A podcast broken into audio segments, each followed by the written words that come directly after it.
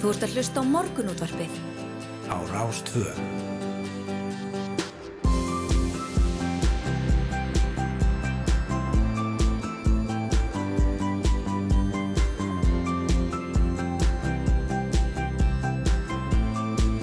Morgunútvarpið Á Rástvö. Morgunútvarpið býður góðan dag 24. februar, það er 50 dagur klukkunum vantar 10 mindur í sjö og það eru yngvar þóru og hölda gestóttir sem eru hérna með ykkur til klukkan nýju í dag. Jújú, jú, og við ætlum að koma að við að við uh, eins og alla daga og svo segjum alltaf þegar við byrjum þáttinn. Við ætlum að uh, meðal annars uh, heyra af leikverkinu Ég hleyp sem að verður frumsýnd í kvöld. Það er leitast við að svara því hvernig við getum lifað áfram eftir bassmissi og við ætlum að ræða við Gísla Örd Garðarsson sem tekst á við þetta verk í leikstjórn Hörpu Arnardóttur. En það er ótt að segja að það hefur verið mikið að gera á honum undanfarið. Ný stíin út úr verbúðaræfintýrinu og, og, og nú er þetta krefjandi hlutverk. Mér skilst hann hlaupi sko nánast allt leikverkið og, og stoppi varna allan tíman þannig að þetta er Já. líkamlega krefjandi og endlega, það er alveg ótt að segja það. Hann þarf að vera í formi. Eh, nú það er kannski hérna ákveðið að taka það fram að, að já, að nefna það hérna snemma að við ætlum að, að ringja uh, út í Kænugarð í Óskar Hallgrímsson ljósmyndara, mm -hmm. hann er búsettuð þar en, en já, Vladimir Putin Rúslandsfósetti fyrirskipaði hernaðar í hlutin í Úkrænu löst fyrir klukkan 6 í morgun er klukkan á vandaði 5 mindir í 3 að íslenskum tíma og örfám mínútum síðar voru fyrstu sprengju árásetnar gerðar á Úkrænu sprengingar hafa hveði við næri höfðborginni Kíjaf og hraðbrautir eru teftar af farartækjum fólk sem er að flýja borgina og samfélagsmiðlum á greinam óðagótt og skjelvingu en margir segist alltaf að leta skjóls í loftvarnar, byrgjum og kjöllurum. Já. og um, já, Óskar er bústættið þarna hefur verið þar í á þriðja ár núna og hann þekkir því vel til bæði til stjórnmólana og það sem er að gerast núna. Já, já. Svo ætlum við upp úr klukkan halv átta að ræða heim tölvuleikjana við Daví Kjartan Gesson eins og við gerum hér reglulega. Og eh, eftir áttafréttinnar er það um, málefni hins einn fólks í þjóðkirkjunni en á Íslandi hafa gilt ein hjúskaparlög frá árinu 2010 en innan þjóðkirkjunar var blessun hjónaband samkynniðra lengi vel bitbein og hins eginn fólk ekki alltaf upplifa að það sé velkomið í kirkjunni. Og hún Bjartís Helga Tómasdóttir sem er stjórnarkona í samtökunum 78 hefur í tvö ár sapnað persónlegum sögum hins egins fólks af framkomuð þjóðkirkjunar í þeirra gard og ætlar að kynna niðurstöðu verkefni sinns á landstingi hins egins fólks sem fer fram um uh, þar næstu helgi og svo er það sóttvarnamálin. Já, já, það voru eflust margir sem fögnuði í gerð þegar tilkynnt var að öllum sóttvarna aðgerðum innanlands og á landamörnum verður aflétt aðfarnótt förstudags fórstjóri, já, starfandi fórstjóri landsbítalans sagði hins vegar að ráðulegra hefði verið að fara hægar í sakinnar í afléttingum sóttvarnatakmarkana. En við ætlum að heyri Má Kristjánsinni yfirleitni smittsjúkdómadeildar landsbítalans um stöðu faraldusins e, þessar afléttingar og hérna hvað tekur við núna í baróttunni við þessa veiru Já, svo klukkan halv átta ætlum við að ræða hagsmunarsamtök knaspinu kvenna sem verða endurvakin á fundi í yðnú á morgun. Það er margt áunist í að breytti spáráttun á knaspinu vellinum en betur má ef duga skal og vonast aðstandendur til þess að samtökin verði saminningar afli þeirri baráttu. Og þær koma til okkar, Anna Þorstinsdóttir og Ingun Haraldsdóttir sem eru meðal þeirra sem hafa unnið að undirbúningi og þær er alltaf spjalla við okkur. Já, já, nákvæmlega. Og hér í byrjun þátt að þá ætlum við að ræða já, friðlist svæði og, og ferðamenn.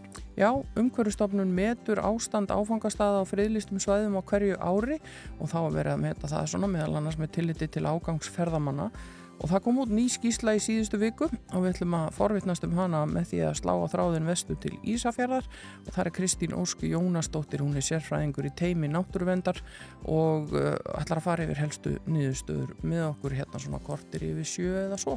Já, nákvæmlega, nákvæmlega. Ef við lítum að þess á, á fórsíðu bladana þá er nú, e, já, Úgrænu deilan hér á fórsíðu morg, morgunbladsins e, og það er náttúrulega mikið sem gekk á í nótt þannig að, að, að það er svona hitt og þetta sem átti eftir að gerast þegar bladið fór í brentun síns mér.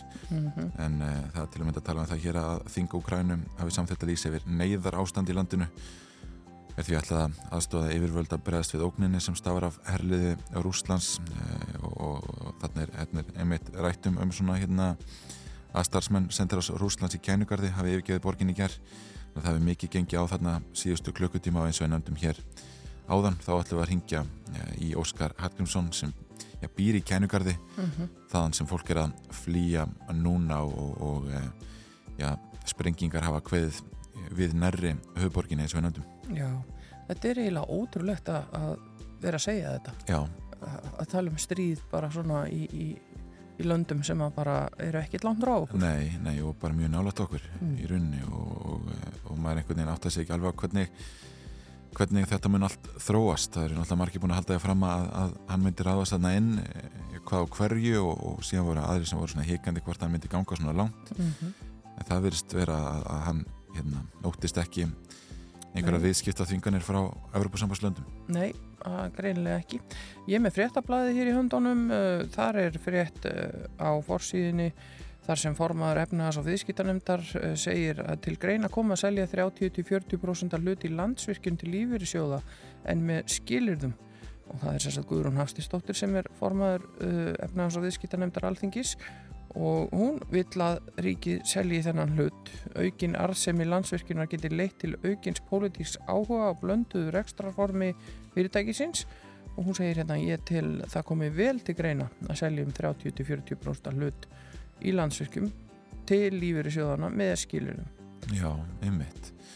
Hér á eh, annari síðu morgunblassins eh, er aðeins fjallað um, um læðina sem hefur gengið við landi núna eða læðirnar öllu heldur Já. Eh, og þar segir að áallar megin út frá upplýsingum sem fengist að frá tryggingafjölum og landsneti að á annað hundrað einstaklingar og fyrirtæki hafi orðið fyrir tjóni í óveðrunu í vikunni og að tjónið getur numið nálagt 200 miljónum króna og þá er ekki útsið með öll tjón í óveðrunum það sem hafið árið má ætla að mörg hundruð eh, tjón hafi orðið Mm. og það kosti 100 miljóna króna þannig þetta er, eh, já, já, eh, maður er svona hérna þekkir til einhverja það sem, það sem einhver tjón hafa orðið og, og, og skilinlegt í svona veðri að, að, að já, bæði bílar og, og einhverju lausamennir hafi skemst. Jú, jú, og, og eitthvað af, af húsum líka og, Já, og úti húsum í, í sveitum og annað, Já, það hefur gengið á ýmsu. Nú á síðu tvö í fréttablaðinu er talað um að laurugla og sjúkralið búi sig undir annarsama helgi en viðbrasaðilar keppast við undirbúning fyrir helgina því búist er við fjölda fólks í miðborginni þar sem opnunartími skemmtistað er nú á nokkura hafta vegna heimsfaraldurs og laurugla og heilbyrðistarfsfólk brínir fyrir fólki að fara varlega. Nú er þetta auðvitað að bresta á Já. og um, þar sem hefur verið aflétt alveg hefur það sínt sig að það hefur kallað á talsvert mikil vandamál hjá lauruglu segir Áskir Þór Áskisson yfir lauruglu þjóttni á laurugluna á höfuborgarsvæðinu sem að mun hafa aukin viðbúnað um helgina og svo segir hann hérna við vonumst til að fólk verði bara glatt og skemmti sér sem, með sem minnstri aðkomu lauruglu og sjúkraliðs við vonum það auðvitað öll Já, já, nákvæmlega. Eh, Viljum sagði náttúrulega að þetta væri svona hérna, það væri blendnar tilfinningar Já, að taka þetta skref. Eh, þetta er hérna, vissulega. Já, já, og, og því var svo sem hérna haldið til að haga að, hér gætu komið ný afbreyði sem, sem setja allt á annan endan aftur. Já, svo er líka hérna forvöndilega lítil frétt eða reyndar nánar á vefnum en hér segir frá því að rottum fækki í borgarlandinu en músum fjölgar. Og að tala hérna við Ólaf Inga Heiðarsson hjá myndiraförnum borgarinnar sem segir þó að varast beri að lesa of mikið í þessa staðrind en það sveifli stopnin mikið milli ára og segir almennt að séu myndiravarnir í borginni til fyrirmyndar og velhaldið á spöðunum. Já, einmitt. Þetta er áhugavert. Þetta er mjög áhugavert. En við fyrum að skipta, já, yfir á fréttastofuna og ætlum síðan að að fara aðeins betri yfir viður og færi. Það er fullt tilnum til þess, þessa dagan einhvern veginn að skoða hvaða vegir eru lokaðir og, og hvernig við komumst öruglega til vinnu. Jú, jú, þetta förum við allt betur yfir hér eftir augnablík en uh, fyrst förum við í fréttinnar. Þú ert að hlusta á morgunútvarpið á Rástvö.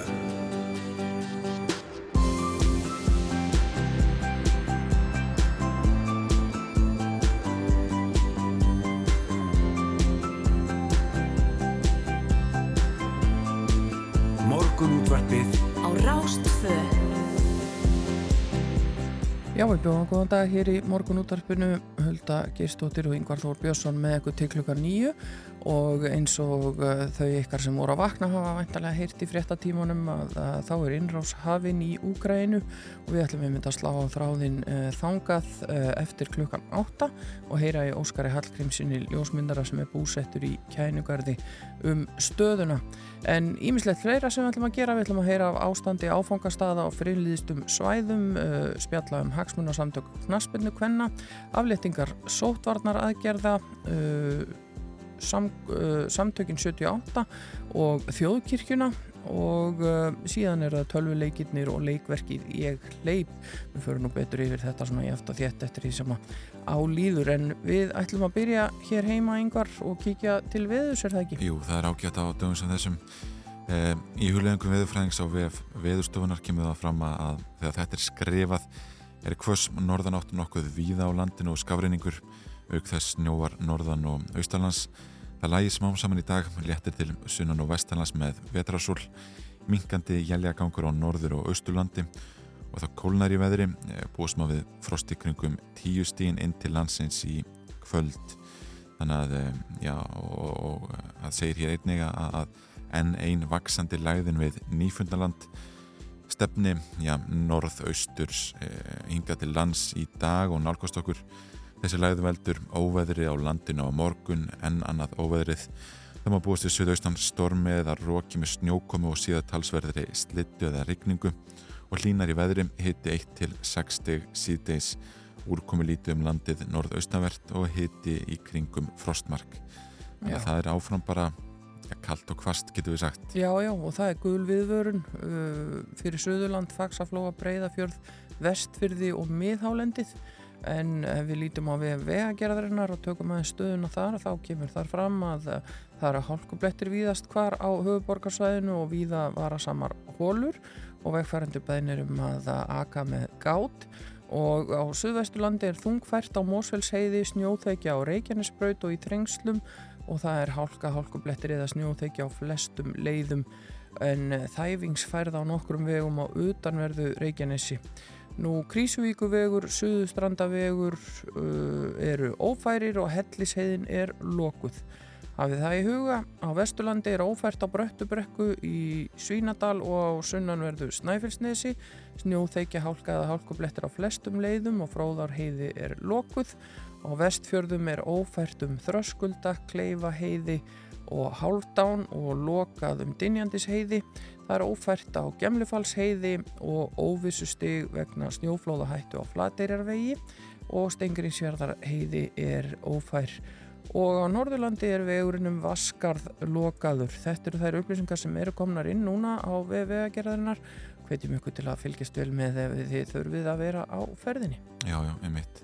Við rættum nú þessi snjóþingsli og, og þessa ófærð sem hafa gert landsmennum erfitt fyrir Já, í gær hættum við hjálta Jóhannes Guðmundsson, skrifstöðustjóra skipulags og umhverfisins Reykjavíkuborgar mm -hmm. og hann talaði um það bara þetta mikla ála sem fylgir svona vetralæð og skipulagið það kemur því að reynsa götur já, bæði í Reykjavík og annar staðar. Jújú, þetta er ekkert einfalt mál og við vitum að þau sem vinna við þetta hafa já, unnið hörðum höndum undanfarnar vikur, það er alveg óhægt að segja það. En uh, við skulum fara bara í smá tónlist og uh, koma okkur af staðin í daginn í róli hittum. Við ætlum að byrja að heyra í hljómsveitinni Grafík og lagi sem heitir uh, Bláir fugglar.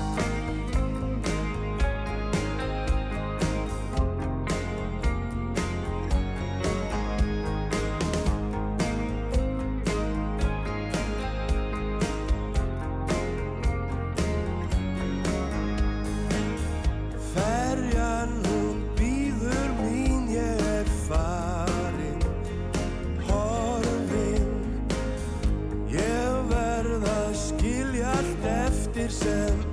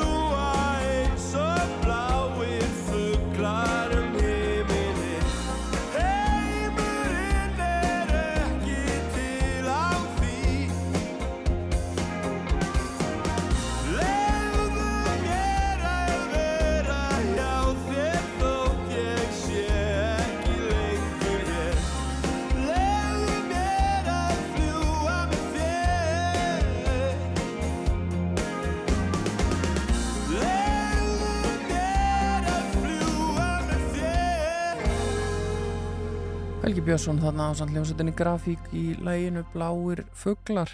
En uh, það er rétt að minna á það að það er uh, landsleikur í kvöld í Körfubolta Karla og þá mætu við uh, sterku liði Ítalíu í undankefni HM 2023 og það sem er aðtiklisvert er að uh, þetta er auðvitað heimaleikur hjá okkur en við eigum engan heimavöll Nei, í körfu um þessar mundir. Þannig að spila verður á ásvöllum í Hafnafyrði. akkurat, það er í nótrúlega staða að, hérna, að landsliðið hafi ekki já, hafi enga stall að kalla heima Já, það, það er ekki gott og, og breytist vonandi. Þetta hefur nú verið mikið umræðinni þetta já. ástand með aðstöðu fyrir ja, handbolta, körfubolta, frjálsar og, og fleiri sem hafa hingað til treyst á lögðarsöllina sem þó stennst ekki lengur alþjóðlegar kröfur. Þannig að þarna er verka vinna. En uh, við ætlum að ringja vestur á Ísafjörð eftir augnablík og uh, fara þar aðeins yfir stöðu mála varðandi árlegt á, ástand áfangastaða á friðlýstum svæðum og við ætlum að ringi hérna Kristínu Ósk Jónasdóttur hér eftir augnablík. En heyrum fyrst í Chris Rea og hann er ekki á góðri leið, heyrim manni stefnir uh, harða raða leið niðra við Road to Hell. Þú ert að hlusta á morgunútvarpið á Rás 2.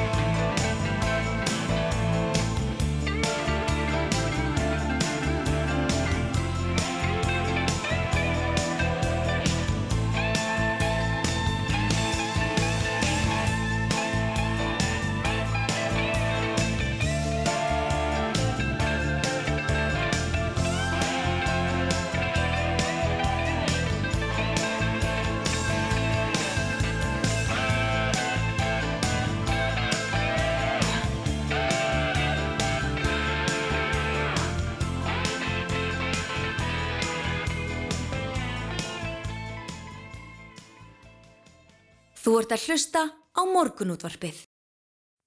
Jújú, jú, þeir eru að hlusta morgun útarpið Hulda Geistóttir og Yngvar Þór með ykkur í dag og við ætlum hér næst að ræða aðeins uh, ástand uh, áfangastaða á friðlýstum svæðum en umhverjastofnun metur það árlega og gefur út skýslu og það kom út ný skýsla í síðustu viku og línunni hjá okkur er uh, Kristín Ósk Jónasdóttir, hún er sérfræðingur í teimi náttúruvendar og er fyrir vestan, hún er á Ísafyrði og ætlar að fara aðeins yfir þetta með okkur. Góðan daginn Kristín. Góðan daginn. Já, það er einfaldast að byrja bara á þessari spurningu, bara hver, hver er staðan, hvernig er ástandi núna? Heyrði, það er nú bara ánægilegt að segja frá því að ástand áfangastafa hefur batnað undir farin ár og uh, þar maður þá kannski helst um, segja að, að, fækkun ferðamanna hafði náttúrulega mikil áhrif, það var náttúrulega minni minna álag á svæðum mm -hmm. undan farin tvö ár en á sama tíma þá, og áður en að, að því koma þá hefur verið staðið í tölvöld mikill innviðaruppbyggingu til þess að, að venda svæðin en taka vel á móti gestum. Já. Og þannig að þegar þetta kemur saman og hjálpa stað að þá er, er svæðin, eru svæðin í, í, í mjög góð ásökumunlega og, og til að mynda að þá eru 43% svæðina í þessi viðkvöldum grænalistanum. Það eru bara svæði sem eru bara alveg topp og, og tilbúin í, í eitthvað skemmtilegt. Já. En, en, sko 43% þýðir það að, að já, 57% sé þá e, í einhver ólægi? Ég, ég myndi ekki segja það þannig. Vi, við, við skiptum þessu upp sem sagt í rauða aftursyningulega, svo kemur bara svona millibild sem eru bara svæði sem eru lægi og báingan lit og svo eru svæði sem eru þessi græni svæði. Mm. Af þeim svæði sem hafa verið í svona einhverju hættu, það sem er svona, er svona einhver, einhver sem við erum að fylgjast með, að, það, að þeim svæðum hefur fækka líka og í ár eru, eru fimm svæði sem við teljum í hættu og erum að fylgjast sérstaklega vel með. Eða fjögur fyrir ekki þau. Og, og af þeim svæðin voru tvö líka eða þrjú líka í fyrra þannig að innveð uppbygginga er nú þegar hafinn það er verið að byrja, að byrja að gera nýja gangustíga og laga þannig að, að við erum að vonast til að, að þessi svæði vinni sig út af þessum hættulista bara strax í sömar. Já. Hvaða svæði eru það sem eru í hættu? Innan fjallabaks eru til stæði stútur og suðunám og svo er einn vegur námvegur innan vatnægulsjókars og svo er svæði innan Reykjanesfólkvangs, viðbjörnsvellir og viðbjörnsvellarleið sem eru í, við teljum í hættu núna mm, og, og viljum getna bregðast við. Og það sem er auðvitað kannski að baki í einhverjum tilfella, mér dettu það í hug svona með viðbjörnsvellina að, að þarna er náttúrulega bara aukin aðsókn í tengslu við eldgósið. Já, það hafði, hafði heimikið að segja þarna og það sem hefur kannski mest að segja með viðbjörnsvellina að það er þessi mikla aukning í utanvegarakstri á svæðinu mm. og þar kemur inn alltaf bæði þetta er inn að koma sér nær eldstöðunum en líka það vantar kannski einhvað svæði fyrir uh, umferð vélknúna faratækja sem er ekki heima á þjóðunáðunum mm. og fólk er, það verður að leita lega til að finna einhver svæði og, og ég held að gera sér kannski ekki allir grein fyrir því að þeir eru inn á frílistu svæði og með eins og annars það er Íslandi, þar með með öllu óheimil. Já, já, já. En þetta er auðvitað eh, eitthvað sem að gerist annars slægið eh, við þekkjum dæmi um að erlendar popstjórnur hafi tekið upp myndbönd hérna og, og allt í einu verði einhver svæði bara fræg, ef maður getur orðaða þannig og, og, og fólk flikist þarna í, í miklu meira mælin áður. Við, eh, gerist þetta ekki annars slægið? Akkurat svona? Jú, þetta er náttúrulega nýr raunveruleiki sem við erum að kljást við. Það er að eldast við áhrifavalda og samfélagsmiðla. Mm og að við vitum að, að, að það að byggja upp innviði gerist, það tekur lengri tíma heldur en bara nokkra daga. Þetta er skipalagsferðli og hönnunaferðli og við þurfum allavega ár til það að hérna, geta brúðist jáfnvel við miklum breytingum í ferðahægðin á okkur um svæðum. Mm -hmm. en, en við reynum að fylgjast vel með og við reynum líka að fylgjast vel með og, og benda fólki á innan, innan, innan jafnvel samfélagsmiðla ef það er að fara út fyrir eh, reglusvæðana og svo framhengis. En, en þetta er bara, bara nýr veruleiki sem við þurfum bara að fylgja, fylgja vel eftir. Já, einmitt. Sko Ríkisvöldin alltaf samþitt í gæra að aflétta öllum takmörkunum á landamærunum og það má búast við því að, að ferðamönnum fara að fjölga hér að nýju á næstu mánuðum. Hafið áhyggjur af stöðunni þegar það fyrir að gerast að, að þetta fara allt á verri veg? Um, ég myndi kannski ekki segja að við hefðum ágjör af því. Mjög mörg svæði eru bara virkilega vel tilbúin til þess að takast á við um, gestakomur og eru hannaðar til þess. En svo eru önnur svæði sem eru kannski ekki hannu fyrir mikið fjölda og eru með, með litla innviði. Mm. Að þar þurfum við kannski að vera bara meira vakandi og fylgjast með. En það er kannski það sem er þetta góða við áhrifa hérna, ástandsmæti okkar að við erum að fara okkur í einasta hösti og taka út ástand. Við erum að horfa á sömur hlutina, allir eru að horfa á sömur hlutina sem er, er skoða svæðin sín og við setjum niður ekki bara hvaða breytingar eru millir ára heldur líka úrbúta áallanir. En við telljum okkur vera með nokkuð gott efni í höndunum til þess að fylgjast með og bregðast hrætt og öruglega við. Ja. Og, og þessi innviða uppbygging, er það þá, eh, er hún fyrst og fremst á við um ríkisins eða er þetta sveitafélögin eða landeigundur eða allt í bland? Um, innan frillistarsvæða er þetta aðalega aðalega ríkið og svo innan fólkvangana þá er það sveitafélögin sem að fyrir ábyrða á þeim fólkvangum. Eh, en, en, eh, þannig, en, við, við sækjum náttúrulega mest í, í hérna, innviða áallun innviða áallun ríkistjórnarinnar sem er e, verkefni sem að, sem að fór á stað fyrir hvað, fjórum árum, fimm árum síðan Já. Þannig að, að þið eru sátt við ástandið eins og það er núna og vonið að, að þeirra ferðamennir snúa aftur að þá sé fólk vel upplýst og, og, og gangi vel um landi sem eru auðvitað alltaf markmiðið Að sjálfsögðu og þarna skipta náttúrulega að ferða þjóðustæðilegni líka rosalega miklu máli að þeir séu takt við okkur og, og við hjálpum stöll að við að, að halda þessum perlum okkar eins fellum og þeir geta verið. Já, það er auðvitað markmiðið. Takk fyrir að vera á línunni að vestan Kristín Úsk, Jónastóttir, sérfræðingur í teimi Náttúruvendar hjá Ungveristofnun. Takk fyrir að fara yfir þetta með okkur. Takk fyrir, bless. Já og við höldum áfram hér í morgun útarpunu, við ætlum að ræða hagsmunna samtök knaspinu, hvenna hér rétt á eftir en næst er það lag sem að tengis nú aldrei náttúrunni og heitir Kyrþeirin Andar, þetta er hann Kalli Tóm sem að syngur um, já, verðmætin í náttúrun okkar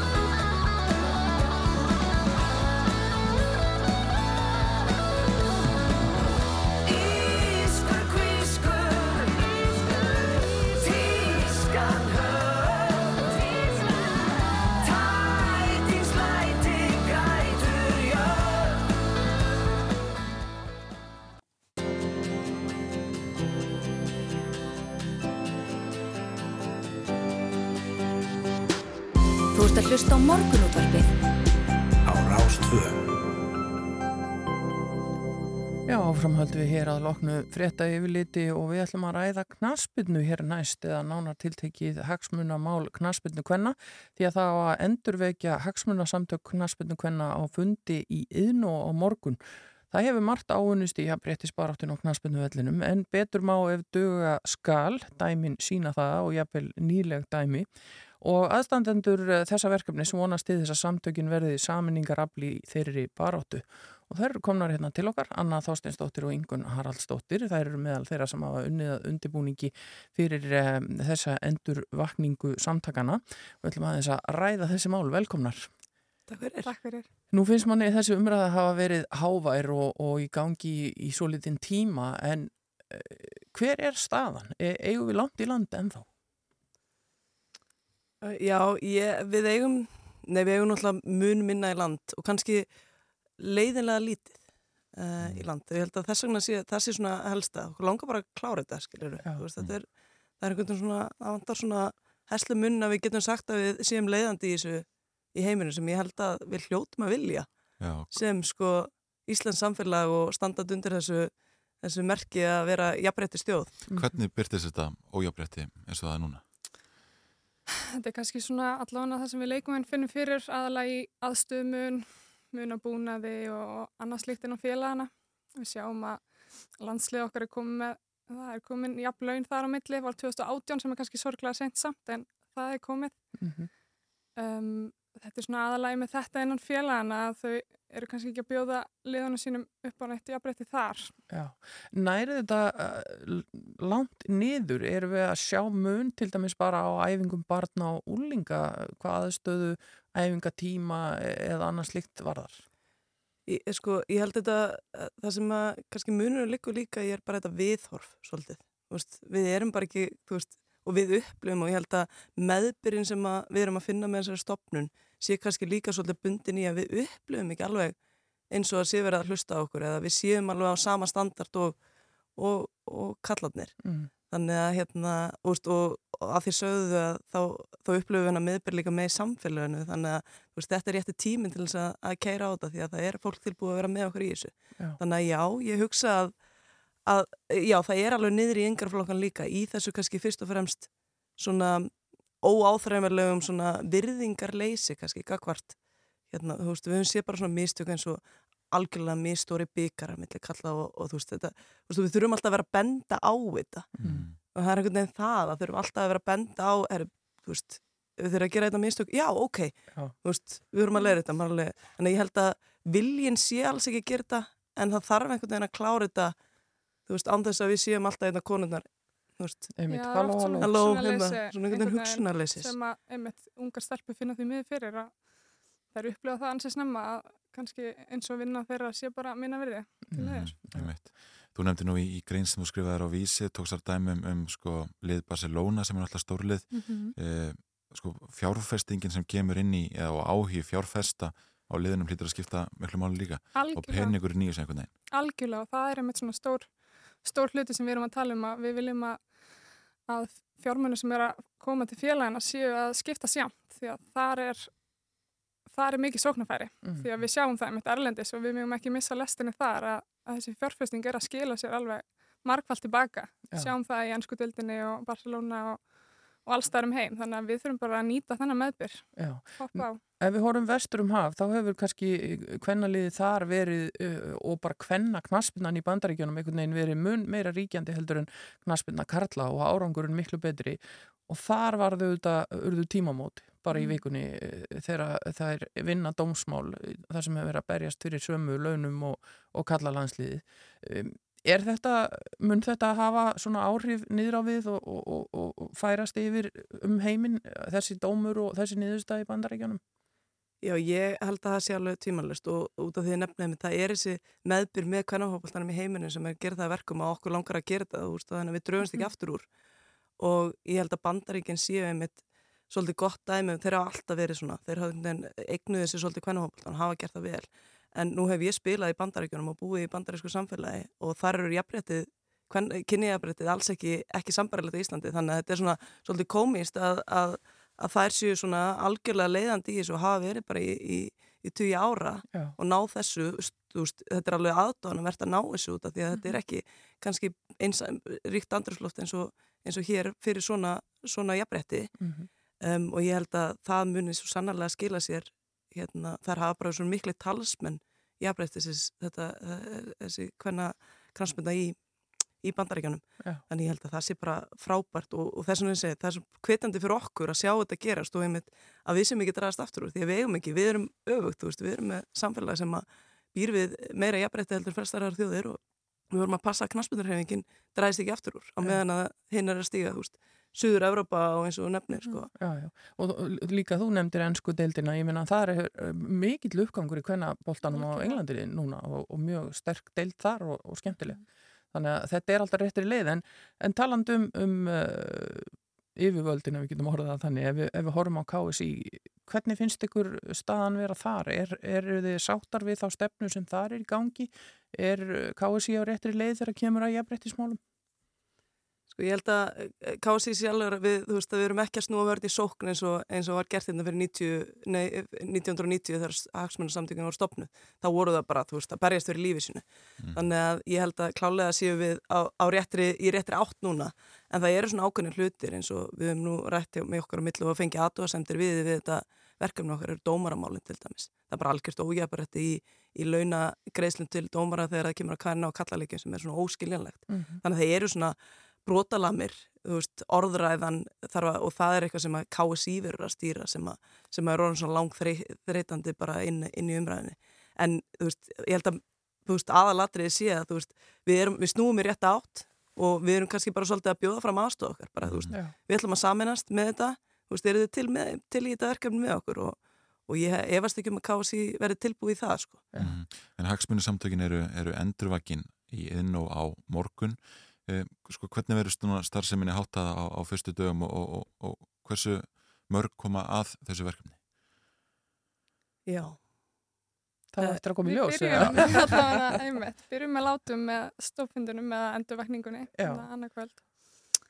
Um, svo þar verður kosin sem sagt stjórn og já, myndu stjórn og við ætlum líka að vera með nefndir og fara bara fullt að stað í það. Um, Já, við gerum okkur kannski ekki nefn fyrir að það verður talsvöld mikið að gera fyrsta árið af að, og ég, ég hef alveg tekið þátt í talsvölda félagsstarfi og ég hef aldrei upplegað eins mikið, mikið áhuga að taka þátt sem er alltaf bara algjört lúksus, mm lúksusmál sko þannig að ég reikna með að, þú veist, án þess að lofa þetta upp í ermin á, á verðandi stjórn að það verði svolítið kraftur í þessu til að byrja með. Það þarf svolítið að, að skapa grunninn undir samtökin Mhm. og hérna og, og gera það vel. Við heyrum alveg, við erum strax farin að fá ábendingar. Þetta er óbúrslega stórt verkefni. Þetta er ekki bara eitthvað eitt verkefni. Það eru alls konar hluti sem við þurfum að kíkja í og, og, og skoða og við finnum alveg að, að þú veist, aðrir eru farin að leita strax til okkar. Hvernig ætlið að taka þessu máli, ætlið að taka þessu máli? Og, og það er eitthvað svona kannski fyrir fyrstu mánuðin svolítið í að útvara hva, hvar við byrjum Já. og svoleiðis En þetta eru hagsmunarsamtök knastmyndum kvenna uh, þýðir það að þau verði bundin engangu við uh, konur sem eru virkar eða hafa verið virkar í knastmyndum eða er þetta opið fleirum? það er allir velkunnur að taka þátt í samtökunum að sjálfsögðu. Mhm. Hagsmunahópurinn er vissilega knæspinni konur. En við viljum líka einni um reyna að auka bara fjölda hvenna innan hreyfingarinnar í öðrum störum. Já. Mættu við yngvar ganga í Að samtökin? sjálfsögðu. ég, ég bara reikna með að þessi Öll velkomin og öll velkomin á morgun. Svo Já. við tökum það fram. Já. Og, og fundurinn er íðin og klukkan hvað? Það byrjar klokkan 6 Já. og, og verður hérna góð dagskrá í svona eh, einn og halva tíma og, og hérna svo verður húsið aðeins opið lengur og við ætlum bara að gera okkur það er engin ástæð, það er margar ástæði fyrir að gera sér glaðan dag í, morgun allavega. morgun að, hérna, að við bara reiknum með og ég eins og, eins og hérna einhver segir bara það er allir velkomnir því að þetta er, þetta er verkefni sem að allir græða á, ekki bara kransmyndu konur, það auki jafnrétti í, í hérna, samfélaginu og hvað þá er reyfingunni er bara öllum til góðs. Já. Það er gott að heyra uh, fundurinn á morgun og uh, þið eru brattar og farið bjarsínar inn í þetta verkefni. Takk fyrir að koma, Anna Þorsteinsdóttir og Ingun Haraldsdóttir og segja okkur svo litið frá hagsmunasamtökum Knaspinu Kvenna sem verða endurvakin á fundi á morgun. Takk fyrir að koma. Takk fyrir að fá okkur. Fyrir.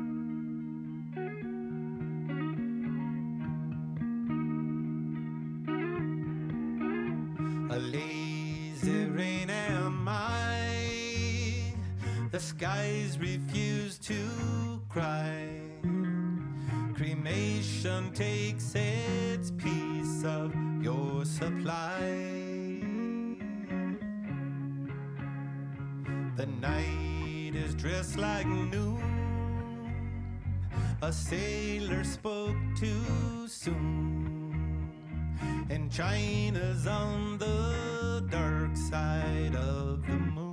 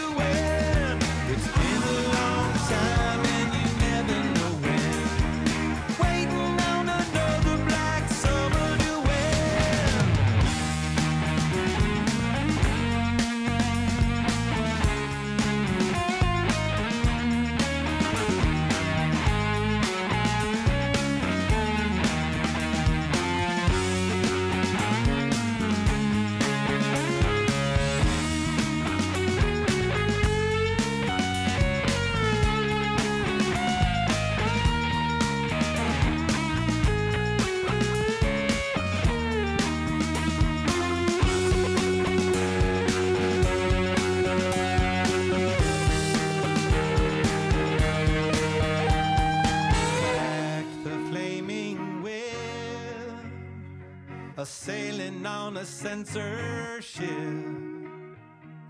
riding on a headless horse to make the trip.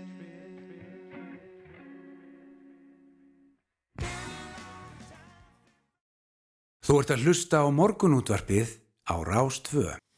Jú eins og allir vita það var öllum sóttvarnaðakjörum einanlands og land, á, á landamærunum þeim verður aflétt aðfaranótt förstudags, þetta var tilkynnt í gær uh, margir fagnaðis eflaust en ég starfandi fórstjóri landsbítalans sagði að, að ráðulegra hefði verið að fara hægar í sakinnar í afléttingum sóttvarnatakmarkana og Már Kristjánsson, yfirlæknir smittsjúkdómadeildar smittsjúkdómadeildar landsbítalans er komin ykkar til okkar, góðan daginn Góðan daginn.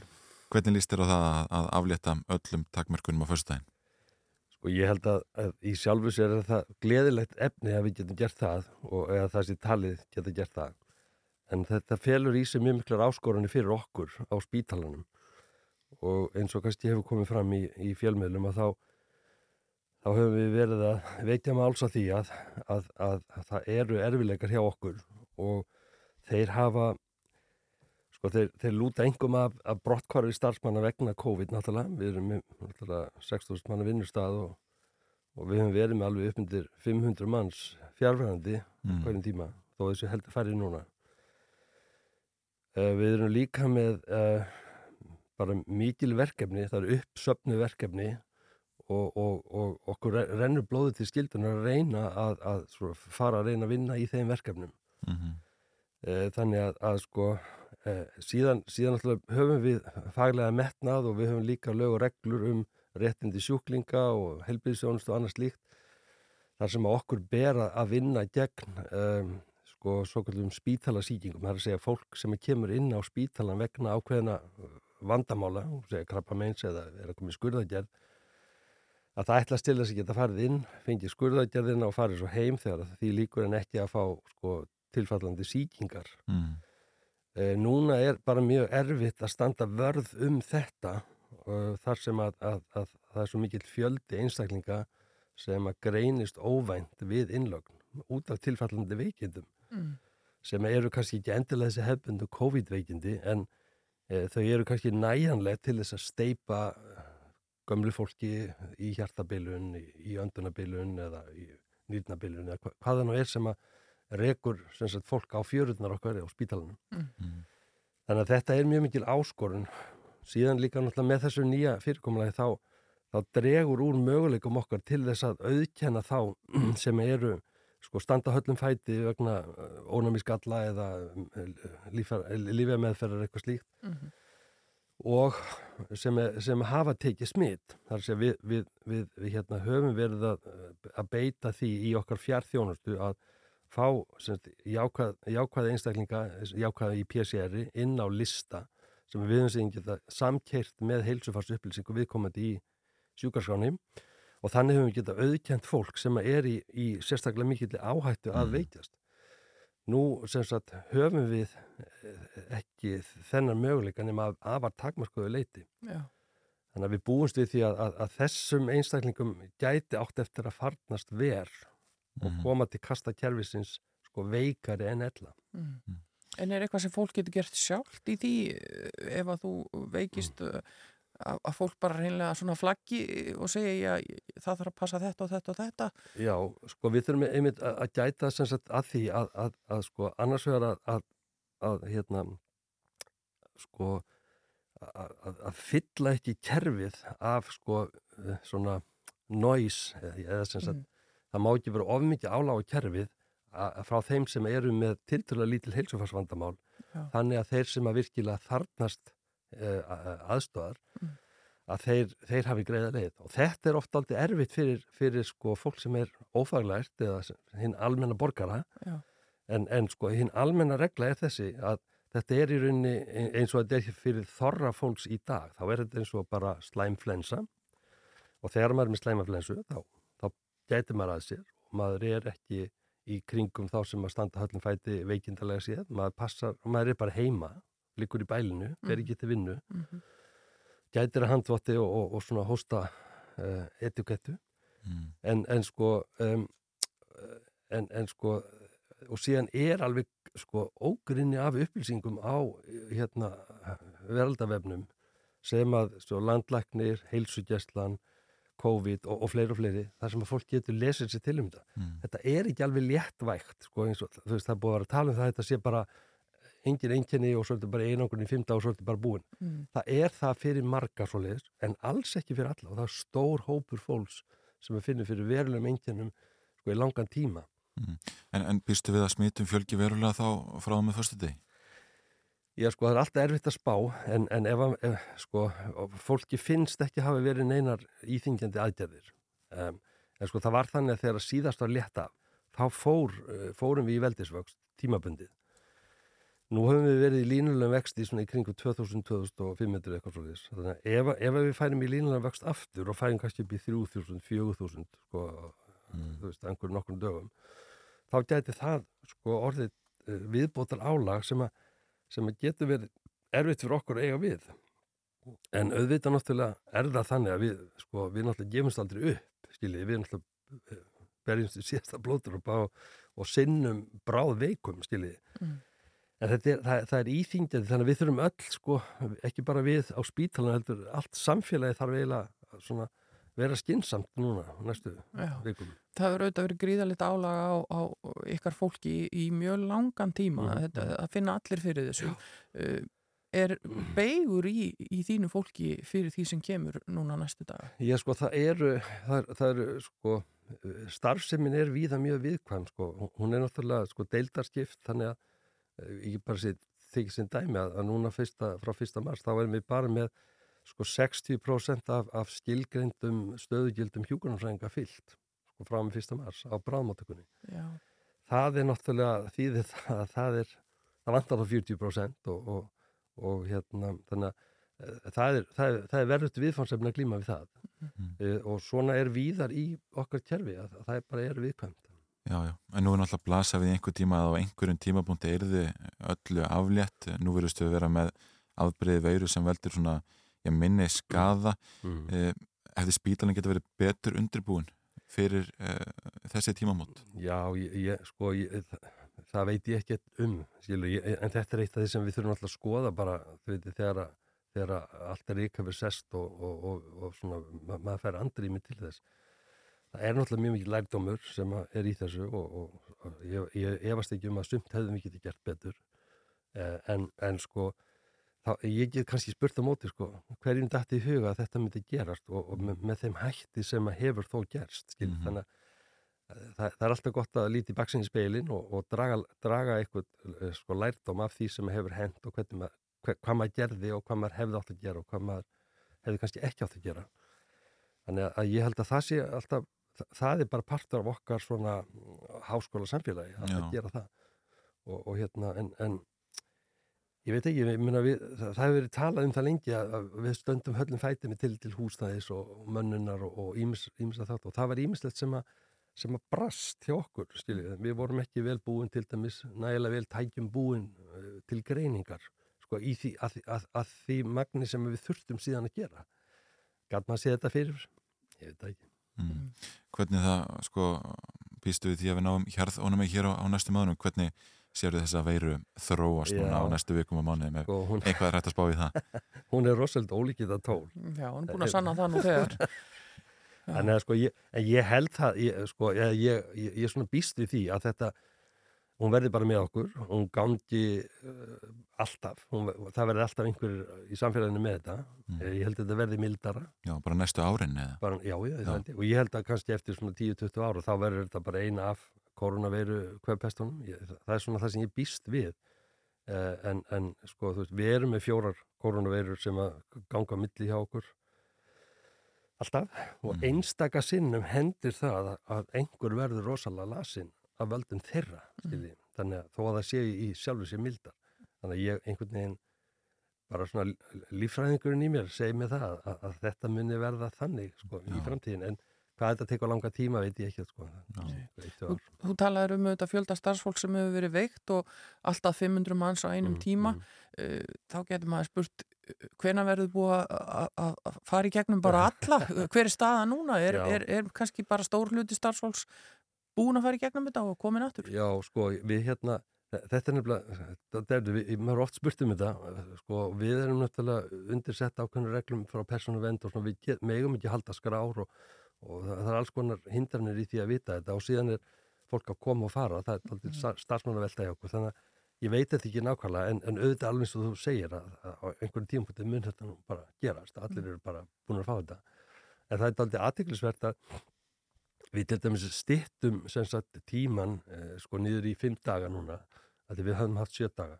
Og við heldum að það myndi verða til þess að það kæmi meira fólk til okkar sko úr veikindum. Mm. en það eru bara það mikil sko svona heila þoka og slappleiki og þannig að fólk tristi sér ekki tilbaka þannig, að- þannig að það að fara úr sjö dagum í fimm daga breytti í rauninni engu fyrir okkur. Já.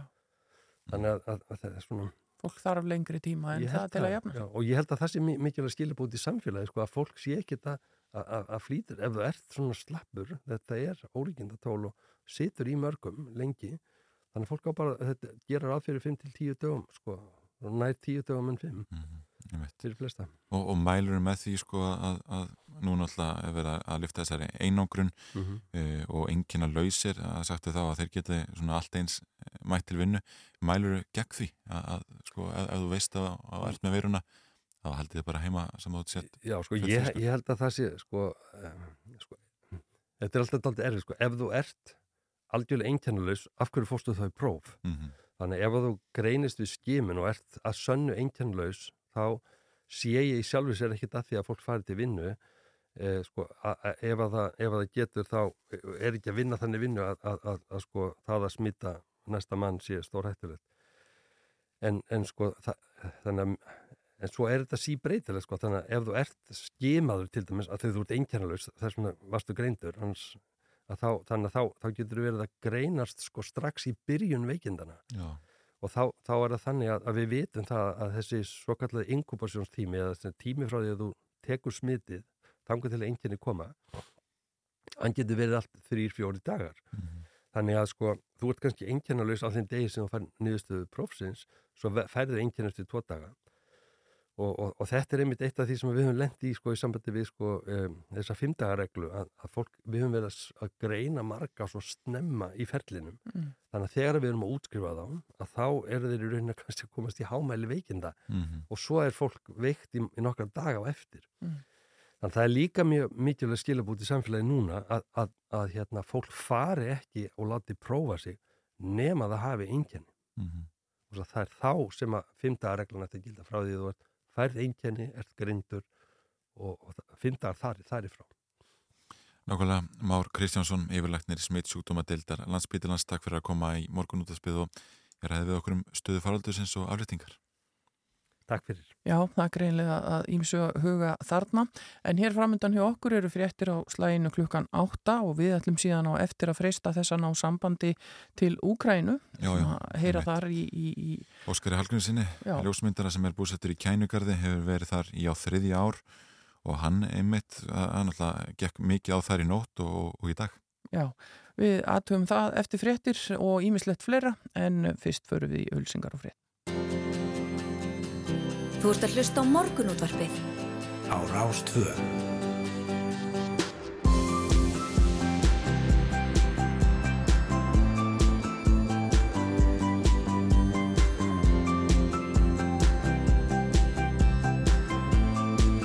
Morgunútvarpið Á Rás 2. Já, áfram höldum við hér í morgun útvarpinu á Rás 2, Hulda Geistóttur og Yngvar Þór Björnsson með ykkur í dag og eins og við greindum frá í upphafi þáttar þá ætlum við að freysta þess að ná sambandi til Úkrænu og það höfum við gert. Já, já. Sko Vladimir Putin, Rúslandsfósiti, fyrirskipaði hernaðir í, hlutun í Úkrænu löst fyrir klukkan 6 í morgun að staðatíma.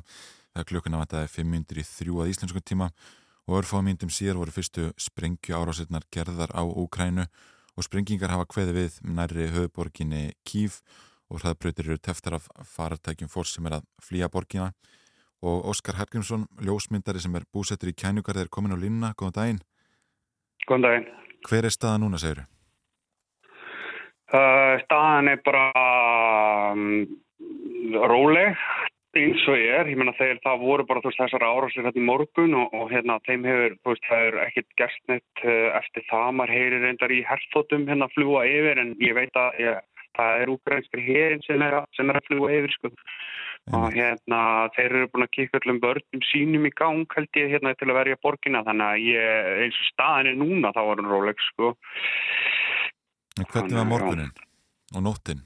Í morgun vaknaði ég klukkan 5 og við eitthvað, ég vissi ekki alveg hvað en, en síðan stend ég upp og, og þá allt í henni heyri ég bara bum bum, alveg tvær sprengjur, mjög stórar og voru auðvitað ekki flugöldar ég, og hérna síðan var ég alveg svona, býttu það ekki, ekki er að ráðast á borgina? Og þú veist og þá heyri ég aftur búm, þú veist, og þá er, þá er, kem, er mjög augljóslega verið að sprengja eitthvað í loft upp og hérna um, ég vekk konuna mína og síðan bara koma, þú veist, nokkra sprengjur í viðbót, 6, 5, 6 uh, og eitthvað og hérna uh, síðan heyri maður, já, svona af og til, ég á, ég er í sambandi við fullt af, af hérna, blamen hérna úti og, og við erum í svona hópspjalli, að þú veist, það, við fengum upplýsingar mjög fljótt um hvað var að gerast og þá kemur það sem til ljósa það búið að ráða, búið að ráðast á flugullin, bórispil flugullin og um, uh, svona aðalega bara, þú veist, hernaðileg skotmörk með eldflugum sem sagt ekki, ekki selling sem að maður var svona hrættastur um að það væri að gerast að það land er að væri komin hérna inn fyrir borgina og væri bara þú veist að láta sprengjum rigni yfir sem að var alls ekki tilfelli og í rauninni voru flestar af þessum sprengjum kemur í ljós voru, eh, stærsti hlutin var verið að skjóta niður dróna eða eitthvað annað sem að var að nálgast borgina sko. Já, af stjórnaröfnum sem sagt Já, já. Margir held einhvern veginn að, að Putin myndi láta að næja ráðstinn í Donetsk og Luhansk en það virðist vera Mm. að hann ætli að, að ganga lengra. mann alltaf veit ekki hvað hann er að pæla og það er máli, þú veist, það er flest það, sko, maður er með aðgengi að fullta analistum hérna og sérfrængum og ég veit ekki hvað og það búið að fara yfir alls konar, uh, yfir alls konar stöðu hjá honum uh, hernaðlega séð meika mest sens fyrir hann að fara mitt inn í, í, í Donbass, taka yfir Donbass og, og og, og í rauninni bara fyrir söður hlutan af því og reyna að komast eins langt inn fyrir ströndin og hann getur til að reyna að tengja krím og ég held að það sé svona stóra áallunarverki hans, ég held að hann haf, sé nú ekki alveg það vittlust hann að haldi að hann geti tekið bara yfir Úgrænu sem hann, uh, þú þarft mikið, mikið, mikið stærra herli til þess. Og uh, en þú veist, flestir analista komið með alls konar tilgáttur af hvernig að gera þetta en, en á endanum segja er alltaf búið, en þetta er Putin, maður veit aldrei neitt af því hann, hann er svo rugglegar að hann, hann er til að sko. Já. En hvernig tilfinning er það, Óskar, að, að upplifa sig í þessari aðstöðu? Já, þú veist, ég held að ég, þetta er náttúrulega mjög súrealist, þetta er mjög súrealist en þetta er búið bara hanga yfir höfðun á okkur í svolítið langa tíma og hérna, og líka þú veist, það, það er allt svo samdöina, uh, það er svo samdöina, þú veist, það búið að vera stríð hérna í mjög langan tíma og, og uh, þú veist, fólk er bara auðvitað vant í og maður reynir að taka þessi bara með ró það heldur þessi besta sem maður geti mögulega gert ekki að panika vera að láta plönin sem ég var búin að ímynda mér að ég ætla að gera láta þau kaka upp og, og, og, og síðan bara einhvern veginn að sjá til með framhaldi og reyna að greina aðstæður og fylgjast mjög vel með Já. En ertu, þarf þetta að koma þér í skjóli eitthvað staðar, er fólk að flýja í eitthvað skona byrgi eða heldur fólk sér bara heima hjá sér? Sko, það eru byrgi út um alla borg og fólk getur farið í þau. Uh, það fóru hérna í gang flautur í morgun, svona bara sprengjuflautur og uh, mikið fólki er að flýja borgina en á móti kemur er, þú veist, að það er bara vilt að gera það akkurat núna, sko, held ég allan. Uh, mm. veist, það er allir vegir hérna staðfullir og flugvöldunni hvort þau lokar, það er búið að sprengja hann.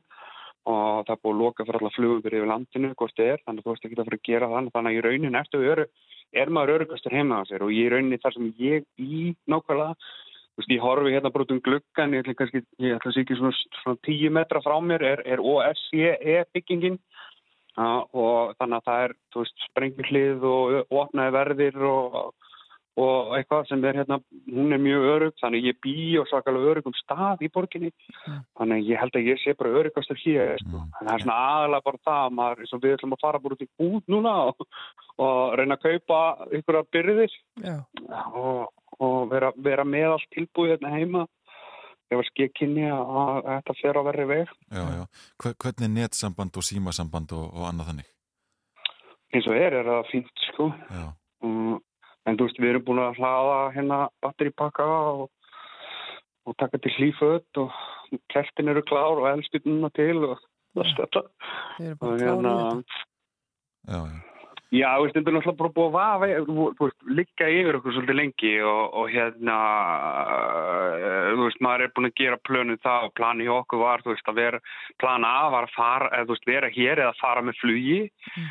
ef að þetta er litið út og, og hérna, það er basically það sem við erum að gera núna. Plan B er að fara, fara hérðan og keira eitthvað innar í landi, fara vestur, að því það var engin rússum í vestur, sko. Mm -hmm. það, þeir, þeir, það, það er engin leið fyrir þá til þess að komast vesturinn í landi nema bara í gegnum kýði, í gegnum einhverja ræðarstöðar. Mm -hmm. Og, og rauninni plan C er þá bara að keira lengra að fara til Pólunans og fljúa til Ísland, sko. En, það er, það er allir, allir, allir mögulegur í stöðun en, en hérna Uh, eins og staðin er núna, þetta er náttúrulega bara gerist veist, ég, meina, hvað er það fjóru og hálfu klukktíma sem uh, það gerist þannig að maður er ekki alveg maður er bara, þú veist, að meta aðstæður ég held að það sé að besta og panika alls ekki, því það, það er þeirra slið sem gerast sko.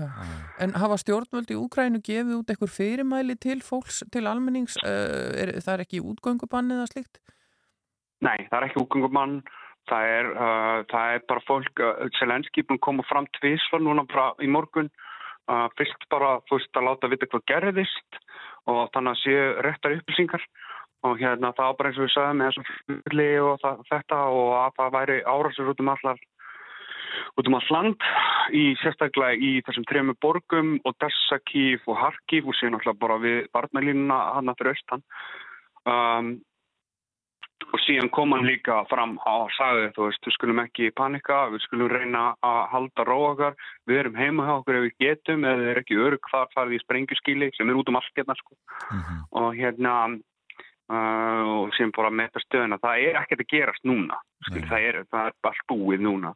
Eina sem að eða, veist, ég, ég er svolítið hættur um er að það kom eitthvað fregnir um að, að, að, að það veri skriðdregar að rúleifa yfir, yfir hérna í landamarinu Kvítarúslandi mm. það er stutt leið hingað sko. Já, já. En, en á móti kemur er að þá bara 30.000 manna herli þar. Uh, restina af þessu 200 eitthvað þúsund manna, eða, rúmlega eitthvað um 200 þúsund manna herliði er fyrir austan sko, eða við landamenn.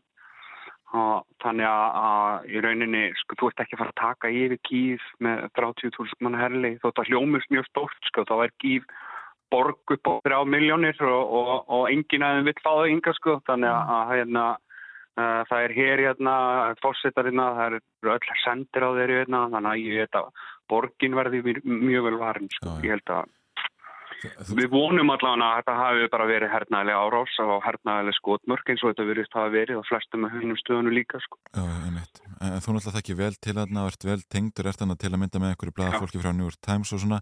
Hvernig er hljóðið í þessum analistum og, og fjölmjölufólki og, og fólkinni kringu þig? Er talið að, að það komi bara til allserjar átaka í landinu? E, finnst fólki það líklega? Það er, ómögulegt að spá í það. Skilu, það er bara svarið sem ég fæ frá förstum. Er bara, það, við, veist, það er bara ómögulegt. Þetta er bara alltaf, bara alltaf nýlega, þetta er bara svo nýtt. Og, og en, veist, það er margt líka jákvægt í þessu.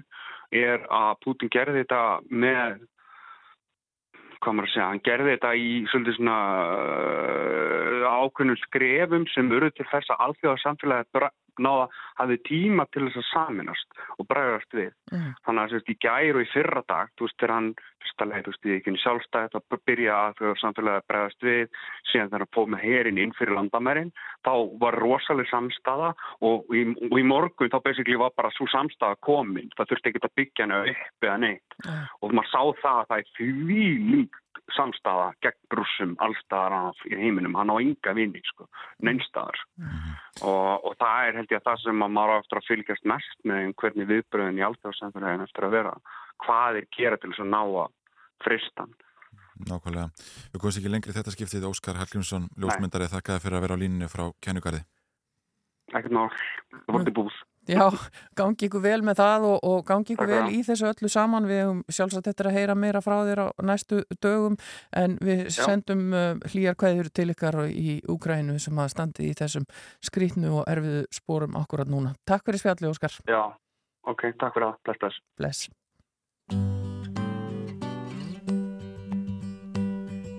Blackbird singing in the dead of night. Take these broken wings and learn to fly all your life. You were only waiting for this moment to arise.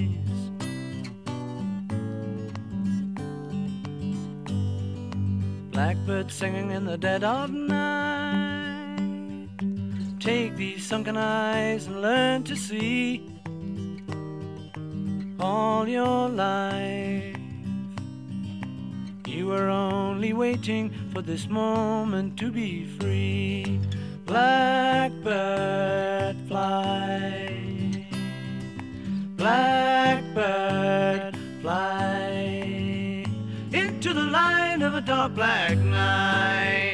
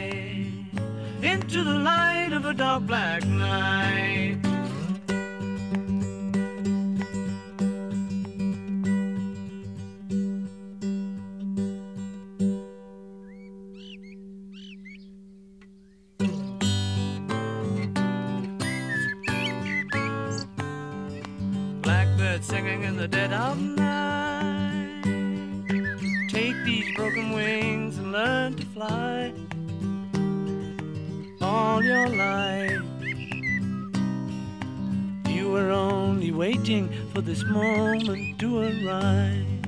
You were only waiting for this moment to arise. You were only waiting for this moment to arise. Já, stundu þarf maður bara að hlusta á bílana og smá fuglasöng svona einhvern veginn til þess að, ná sér aftur niður á jörðina í öllum þeim stóru og erfiðum málum sem eru í gangi í heiminum. Já, já, það er rót að segja það. En við ætlum að fara að hinga heim uh, aftur og ræða uh, við Bjartísi Helgu Tómasdóttur sem er sest hérna hjá okkur en á Íslandi hafa gilt ein hjúskapalög frá árinu 2010 en innan þjóðkirkjunar var blessun hjónaband samkynniðra lengi vel bitbein og hins einn fólk hefur ekki alltaf upplifað það að það sé velkomið í kirkjunni. Og uh, Bjartís er stjórnarkona í samtökunum 78 og hefur í um tvö ár sapnað persónulegum sögum hins eins fólk að framkomu þjóðkirkjunar í þeirra garð og hún ætlar að kynna niðurstöður þessa verkefnis sem ber heitið Ein saga, eitt skref á landstingi hins einn fólk sem fer fram um þar næstu helgi. Velkomin til okkar. Já, takk fyrir að hafa mig. Af hverju fórst að staði að sapna þessum sögum? Já, um, það var þannig að þjóðkirkjan í raun og veru nálgæðist samtökin og, og vildi gera eitthvað uh, í tilumni þess að 2020 voru sérst, tíu ár frá einum hjúskapalögum og um, þá fór bara af stað ákveðin umræða og, og hérna við hjá samtökunum er náttúrulega ákveðin því að það sé ekki nóg að gera eitthvað lítið þegar um svona stórt mál er að ræða. Og þannig að í framhaldinu því var ákveð að fara í það að, að sapna sögum fólks til þess að það er svona glötust ekki Mhm. og um, svo er það náttúrulega með erfið mál það er ofta erfitt að tala um þau og það er erfitt að byggja fólk um að setjast niður og, og skrifa bara um það Mhm. og hérna, þannig að við ákveðum það er þið í formi viðtala sem er náttúrulega frábært að því að viðtölinn fara svo til geimslu á þjóðháttasafni þjóðminnasafsins Mm. Og verða þar e, alltaf aðgengileg og þetta eru mjög dýrmættar heimildir Já. Og hvernig gekk þér að fá einmitt fólk til þess að tjá sig um þetta?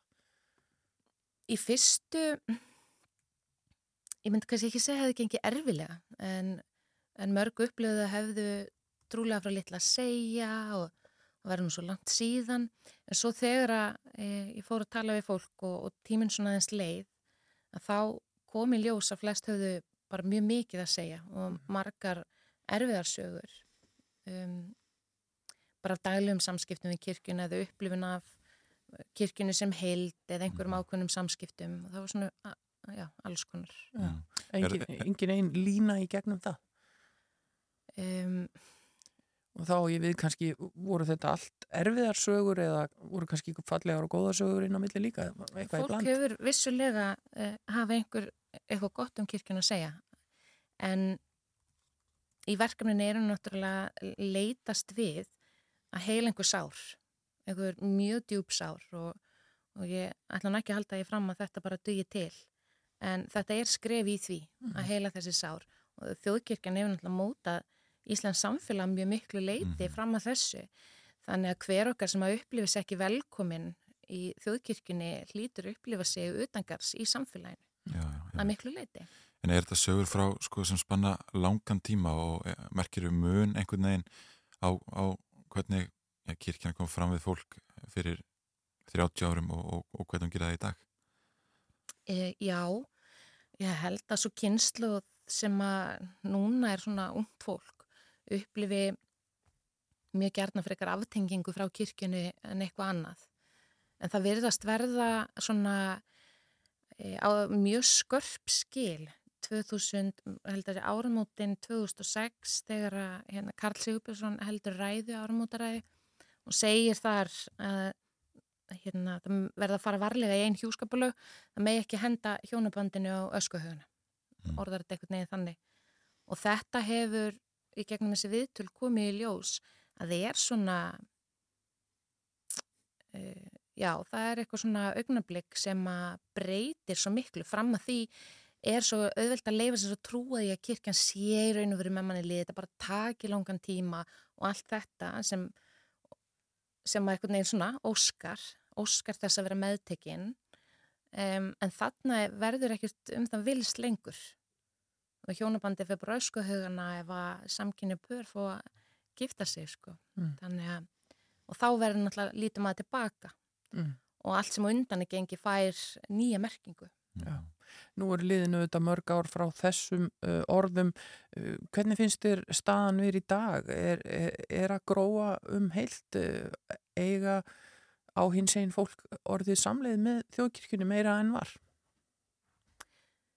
mm, Ég myndi segja að þetta verkefni sé klálega gott fyrsta skref í því, eða gott skref í því að í það minnst að svona reyna að he- heila þessi sár Mhm. en hvort að hins eginn fólk á samlið með kirkina og náttúrulega hver og hvert og eitt svona svara því en það hefur allavega glatt mig að í þessum samskiptum mínum við nokkra aðila innan kirkjunar hef ég séð svona kynnslóðbreytingu, séð raunverulegan mun og það er gaman frá því að segja að nú hérna í Reykjóldi er komin hérna nýr prestur uh, séra uh, Hildubjörg Hörpudóttir sem er hérna ung og, og hérna ég er bara dásalega manneskja líka og með allt önnur viðhorf og hefur verið hluta þessu verkefni frá upphafi og í Skálholt er nú komin byrja fyrsta april, byrja líka nýr prestur sem er ekki einu svona þrítur hann eh, Dagur fannar Já. Já, þannig að það er að verða breytingar Já. bara með ákveðum líka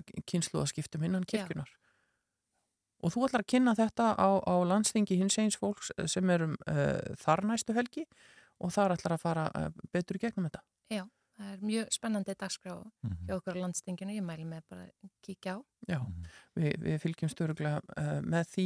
Uh, takk fyrir að koma til okkar, Bjartís Helga Tómasdóttir, stjórnarkona í samtökunum 78 og fara svo litið í gegnum uh, þetta verkefni þitt, uh, ein saga, eitt skref með okkur og eins og segir, uh, fólk getur fylgst með á landstinginu um aðra helgi og, og fengi að vita meira og eins og segir, það er líka fullt, fullt, fullt meira að frétta. Takk fyrir að koma til okkar en uh, hérna framundan ætlum við að ræða heim tölvuleikina viðan Davíð Kjartan sem kemur til okkar reglulega í þeim tilgangi en fyrst er það frétta yfirlitt.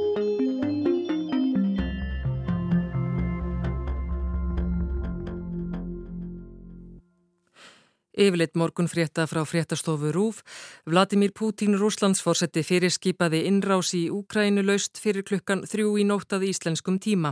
Örfáum mínútum síðar voru fyrstu sprengjuárásirnar gerðar á landið. Herrlögum hefur verið líst yfir í landinu, flugumferð hefur verið hægt, farsíma samband er takmarkað og allar leiðir út úr höfuborginni Kiev, teftar í vesturátt.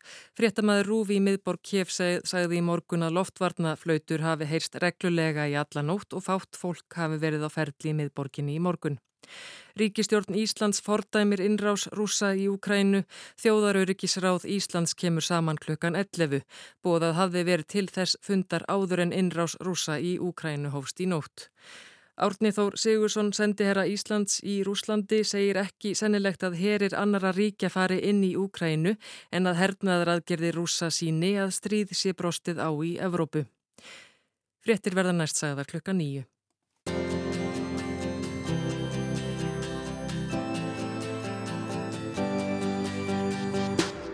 Þú ert að hlusta á morgunútvarpið. Á Rás 2. Já, við ætlum að halda áfram hér með morgun útarpið og næst ætlum við að- snú okkur kannski að, að þeim eh, raunveruleika sem flestir í dag þekkja sem stríðsátök, það er bara í gegnum tölvuleiki. Já, já, einmitt, einmitt, en nú er þetta svona önnur veröld sem við búum við. Þegar við vöknum í morgunsárið, en þá er ágætt að, að, svona geta hérna dýft sér í, heim tölvuleikjana og, og Daví Gjartan Gerstsson, menningablaðamar og vefriðstjóri komin inga til okkar, góðan daginn.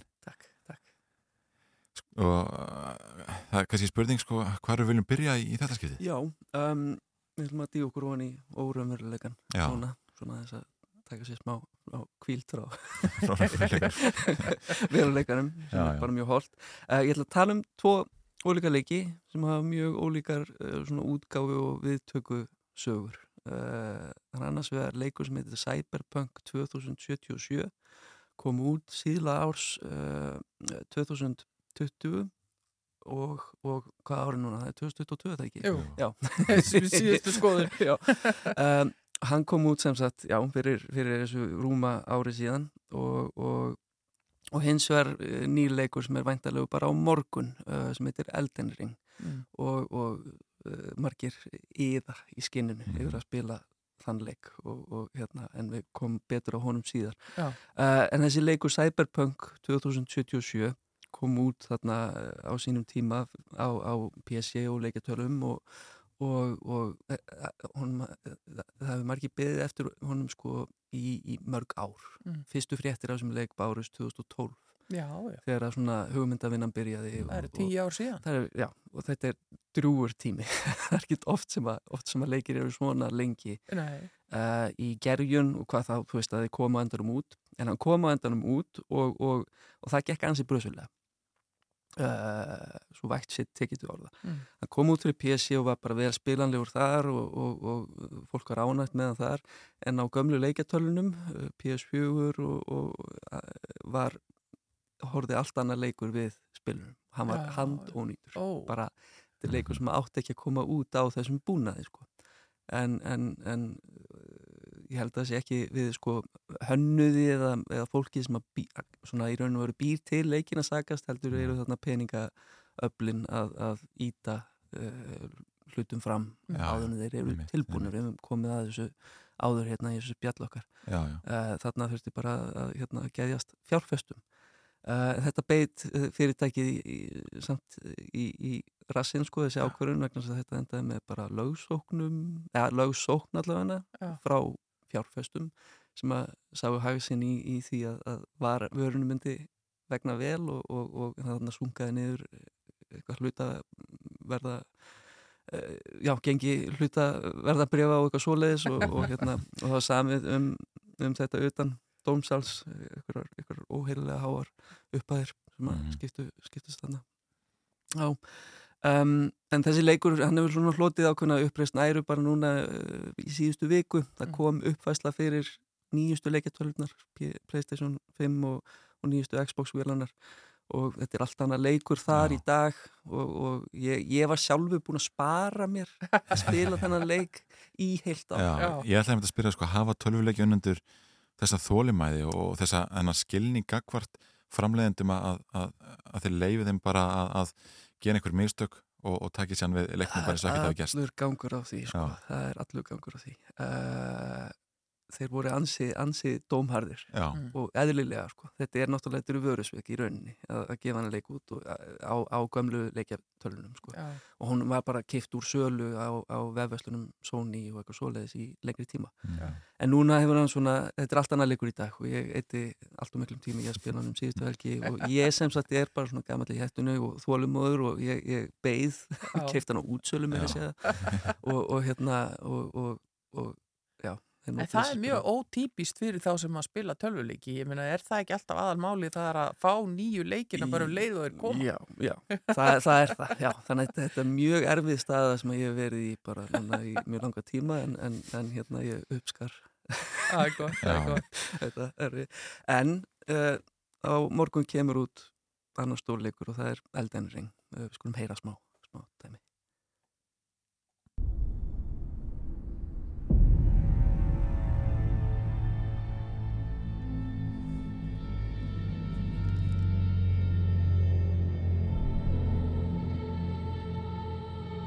Make of thyselves that which ye desire, be it a lord, be it a god.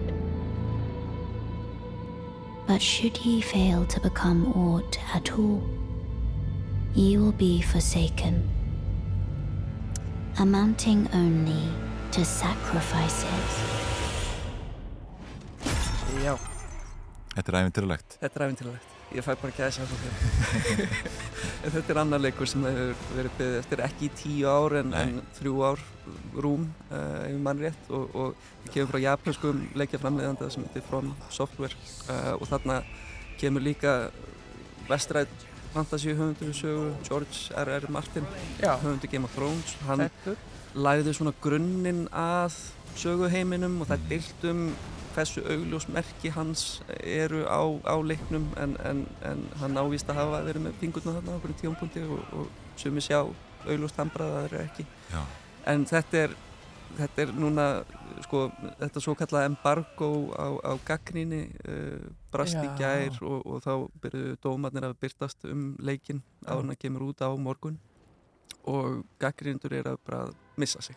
Já. töluleikablaðmenn eru eitt í gerðeginum ég að lesa allt og marga dóma og hérna og þeir eru bara í einhverju tilfinninga rússi Já. bara svona einhverju uppnámi. Þetta er bara þeir, þeir eigi ekki orð yfir þennan leik. Og þetta er, þetta er svona myrkur fantasíuleikur japanskur en, en með svona vestrænum fantasíu elementum, þetta er svona drekar og rittarar og skrýmsli en alveg svona afgreitt á einstakann hátt. Mhm. um, og þetta er þetta er, uh, þetta er, þetta er einn af þessum svokvöldu opnu le, eh, leikjum sem er leikur sem að fer fram í opnum spilunarheimi. Open world leikir.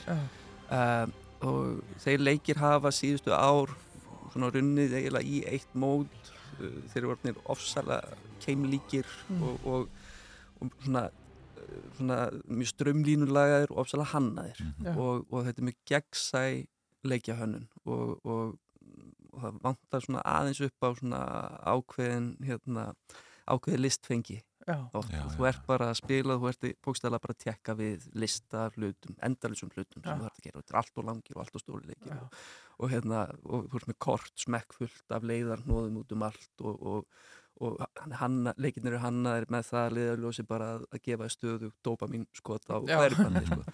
þannig áttur um að ertu með opinn gríðarstóran heim sko, það eru gaggrínundur búin að spila hann að leiki í 40 til 80 klukkutíma Já. á einni viku sem segir ímislegt um álæði sem er á, lagt á, á, á gaggrínundur töluleikja sko. Um, Maður held að það væri nú bara eitthvað svona skemmtidjóp. Nei, nei, Það er þetta það ekki. Þetta er það ekki, sko, þetta er bara, bara mikil harka. Já, en hérna. þarna ertu með gríðastórun open heim, Mm. en þú fær bara að vita og sko blítið hvað þú átt að gera. Já. Verist vera. Þú bara ferð inn í þennan, þennan ævintýra heim, dökkur og drungalegur og, og hættulegur og það er bara undir því að komið, það er bara að finna út úr hlutur, bara, bara vappa um og lendi í Mhm. bardugum og eitthvað svoleiðis og, og þetta er bara, já, það lítur út til að leikur ásins 2022 sé þegar, komin og, og februar er ekki liðin. Nei, við vitum hvað þú verður að gera næstu dagana, Davík Hjartan Gesson og við minnum á að þessi stikla sem við heyrðum hljóðið úr hér áðan að hann er auðvitað hægt að skoða inn á YouTube fyrir áhuga saman sem vilja kíkja á Elden Ring leikin. Uh, takk fyrir að fara í gegnum þetta með okkur. Uh, við höldum áfram hér í morgunúttarpinu eftir augnablík. Gísli Öll Garðarsson ætlar að setjast hjá okkur. Hann er að út úr verbúðaræfintýrinu en segir okkur núna frá uh, verkinu Ég hleyp sem frumsýnt verður í kvöld.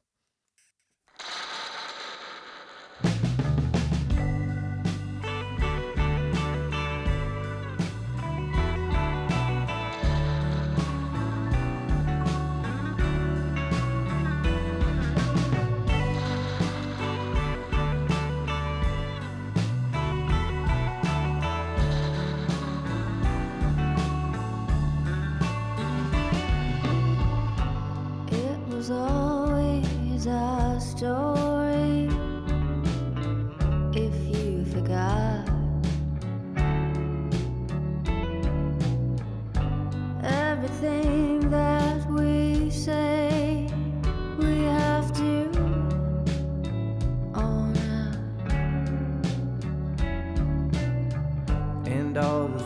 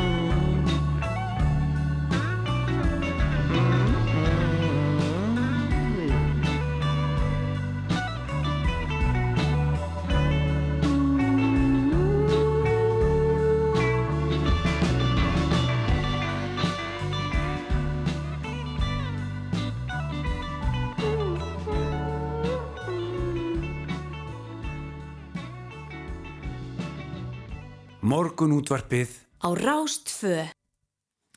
Jú, leikverkið Ég hleyp verður frumsett í kvöld en þar er leitast við að svara því hvernig við getum lifað áfram eftir barsmissi. Maður á ónefndum stað byrjar að hlaupa eftir þá reynslum, hleypur og hleypur, getur ekki höndla sorgina með öðrum hætti því á hlaupunum fyrst hann að vera já, léttur fráls og sterkur og Gíslaur Garðarsson tekst á við þetta verk og hann, hann er hingað komið til okkar, góðan daginn. Góðan daginn.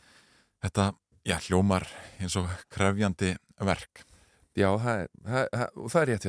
Já. Þetta er, þetta er krefjandi bæði líkamlega og, og, og andlega og, og öllum sviðum. En, um, en uh, það er nú kannski það sem við leikararnir leitum átt í. Það, það, svona, þessa, þessa, það sem er krefjandi og það sem að svona íti mann út fyrir það hérna raman. Já.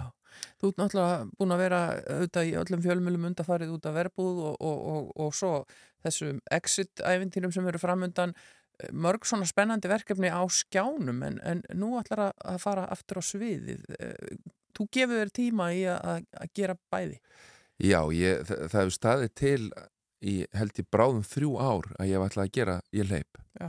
og ég hef einmitt alltaf verið að fresta því út af verbúðinu og, og hérna og öðrum verkefnum en svona í, í, í ljósi þess hvað það er, að, það er að hlaðast upp eins og þú segir með exit og annað að þá, þá, þá var um að gera að nota þannig klukka sem ég hef núna og, og setja þetta í gang og, Mhm. og hérna og koma þessu í, í loftið af því að þetta, þetta stendur mér næri sko þetta er mér, þetta er mjög, er mér mjög kært verkefni og þetta er, þetta er rosalega vel skrifað verk og vel samið og, og hérna og, og, og sýnir þessu viðfangsefni mjög góðan skilning. Þetta er svona þegar þú lendir í áfalli og það þarf ekki endilega að vera batsmissir en, en þegar þú lendir í miklu áfalli þá svona, svona sundrast tilvera þín á, og, og, og þá snýst þetta voða mikið kannski um það að reyna einhvern veginn að pú- púsla sér saman aftur. Þannig að allt það sem að, maður heldur að sé uh, hversdagslegt eins og bara við vöknum á mótnana og það upp að miðja endir á deginum okkar og við erum alls konar plön og, og við fyrir í ræktina og svo lendur í áfalli og þá, þá hverfur þessi tímalína hún, hún missir tilgangsinn og þá eru mjög margir reyndar sem að, og ég vissi þetta ekki fyrir en ég byrjaði að æfa þetta verk, að mjög margir sem að fara faktist séð út að hlaupa Já. Já. Ef ekki að ganga þá allan út að hlaupa Já. Sko, segðu okkur aðeins betur fyrir á þessi verki. Þetta er náttúrulega verk sem sko naut mikill að vinsalda í, í Danmörku, eða ekki?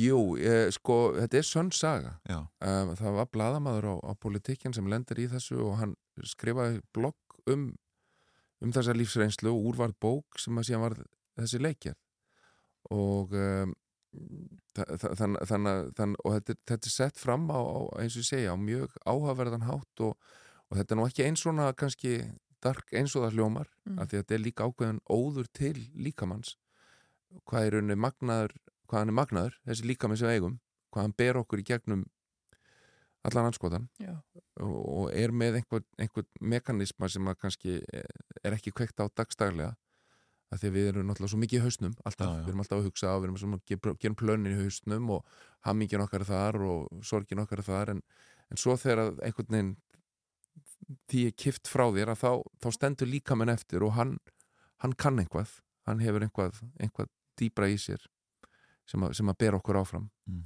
og það er í rauninni já, þannig að þetta er þetta er mjög áhæfert og eins og ég segi þetta er, þetta er held ég svona sérstök upplifun, leikúsupplifun að, að, að upplifa þetta og hérna vissulega sérstök leikúsupplifun fyrir mig að fara í gegnum þetta Já, þú ert rauninni hlaupandi allan tíman. já, þannig að maður alveg hérna, Hvern, hvernig virkar það? Hve- Hvernig, bara the hard way hvernig kemur bara textanum og verkinu frá þér á hlaup? Jésús minn, það er, það er Ertu á bretti eða hvað? Já, ég er á, semst, á hlaupabretti svona meira að minna alla síninguna og þetta er ekki rafknúið bretti heldur, heldur fengum við Já, bretti svona- frá hreisti sem er svona sem að þú, þú ég knýðað áfram já, já. og svo eru ljósin og hljóðin líka tengt við það þannig að því hraðar sem ég leið því, því bjartara verður lýsingin. Já. þannig að þetta er mjög svona organískur prósess og hérna Mér finnst mjög erfitt að halda jafnvægi á svona bretti, ertu alveg Nei, það er, potjatur? nei, nei, þetta er hérna, þetta er algjörð rugl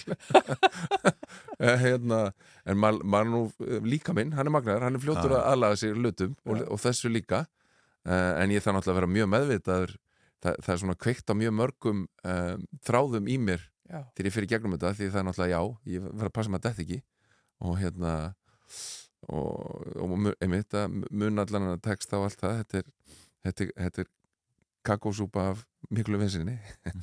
En einhvern veginn einhvern veginn læri, læri maður þetta og læri, líka maður læri þetta og maður fyrir gegnum þetta á, á, á, á einhvern hátt. Það er, það er, Já.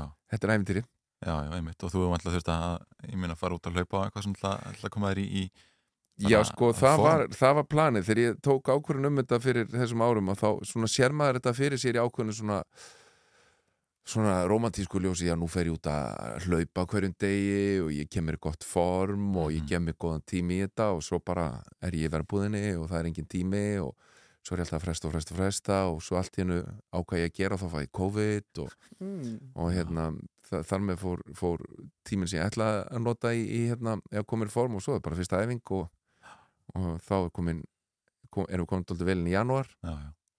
og hér sittum við í februar og erum að fara frum sína Já, þú hlýtur nú að vera búin að ná að skokka nokkra metra Já, já, ég er nú alveg síðan búin að æfa. Já, já, algjörlega og hérna, já, já, ég er alveg búin að þetta er, þetta er hérna þetta er ekki auðvelt. En þessi sýning er uh, sett upp í, í borgarleikusinu Í hvaða uh, rými er hún Þetta er á nýja sviðinu Já. og hún Harpa Arnardóttir leikstýrir. Og hún er náttúrulega algjörsnillingur og það er einvalið í öllum póstum sem að ég Börgur Jónsson með leikmyndina og við erum náttúrulega unnið mikið saman í gegnum öll, öll árin sko. og Filippia með búningana og svo eru tveir eh, strákar með, sem eru svona að stíða sín fyrstu spór að Pálmi á ljósónum og Ísidór með tónlistana alveg að gegja þeir ungi listamenn sem að koma að þessu líka Mm. en já, þetta er á nýja sviðinu og hérna og um, bara verði ég þarna hlaupandi ef fólk vil, koma og sjá.